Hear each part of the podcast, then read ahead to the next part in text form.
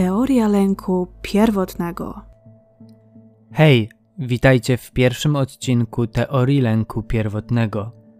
Dzisiaj będziemy chcieli wrócić do początków.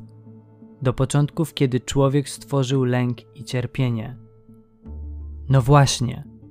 Skąd się w nas wziął strach i lęk? Dlaczego tak wiele osób cierpi dziś nie tyle fizycznie, co psychicznie i emocjonalnie? Właśnie na te pytania będziemy szukać odpowiedzi, bazując na teorii lęku pierwotnego. To co? Zaczynajmy! Aby zrozumieć nasze lęki, musimy przenieść się do początków istnienia człowieka. Właśnie tam wszystko się zaczęło. Kiedy Bóg stworzył Adama, a później Ewę, niczego im nie brakowało. Mieli wszystko, łącznie z otrzymaną przez Boga wolnością. Bóg dał Adamowi waleczne serce. Miał on podbijać nowe terytoria, poszerzać granice Edenu, płodzić dzieci i dbać o swoją damę. Adam miał więc cel w życiu i konkretną pracę do wykonania. Miał też jasne zasady. Istniało wtedy tylko jedno prawo zakaz jedzenia owocu z jednego drzewa. We wszechświecie panowała nieznana nam dzisiaj harmonia. Wszystko było jasne i klarowne, wszystko było obnażone. Bóg nie miał przed nimi nic do ukrycia, Adam nie miał nic do ukrycia przed Ewą, a ona przed nim. I to dosłownie. Oboje byli nadzy. Umówmy się więc w tym miejscu, co oznacza słowo nadzy. Oczywiście może ona oznaczać fizyczną nagość, ale może też oznaczać emocjonalną nagość, czyli szczerość wobec samego siebie, brak pozerstwa i udawania kogoś, kim się nie jest. Może też oznaczać nagość w związku, szczerość na każdej płaszczyźnie między dwojgiem ludzi. W różnych opisach będę używał słowa nagość, więc chodzi o to, żebyśmy dobrze rozumieli kontekst.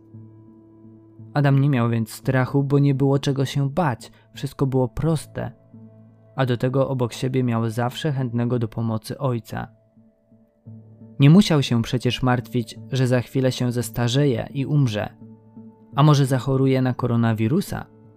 Jak zarobi na utrzymanie rodziny, lub czy za chwilę zdradzi go żona?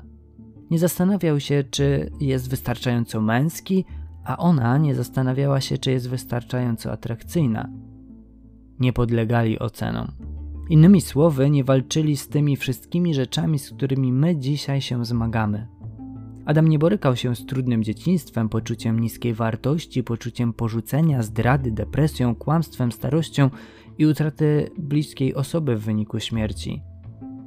Nie znał też całej masy zakazów, nakazów, praw i zasad, które sprawiają, że co róż nasze sumienie nas potępia i wzbudza w nas poczucie winy. Był wolny od wszystkich rzeczy, które dzisiaj nas zniewalają. Jednak to, co zrobił, zmieniło wszystko. Kiedy złamał prawo dane przez Boga, pojawiły się zupełnie nowe, nieznane dotąd uczucia, które natychmiast spowodowały lęk, strach, niepokój i obawy. Zauważ, że pierwszą jego reakcją było zakrycie nagości. Od tamtej pory człowiek przestał być szczery i prawdziwy, a zaczął nakładać na siebie maski fałszu.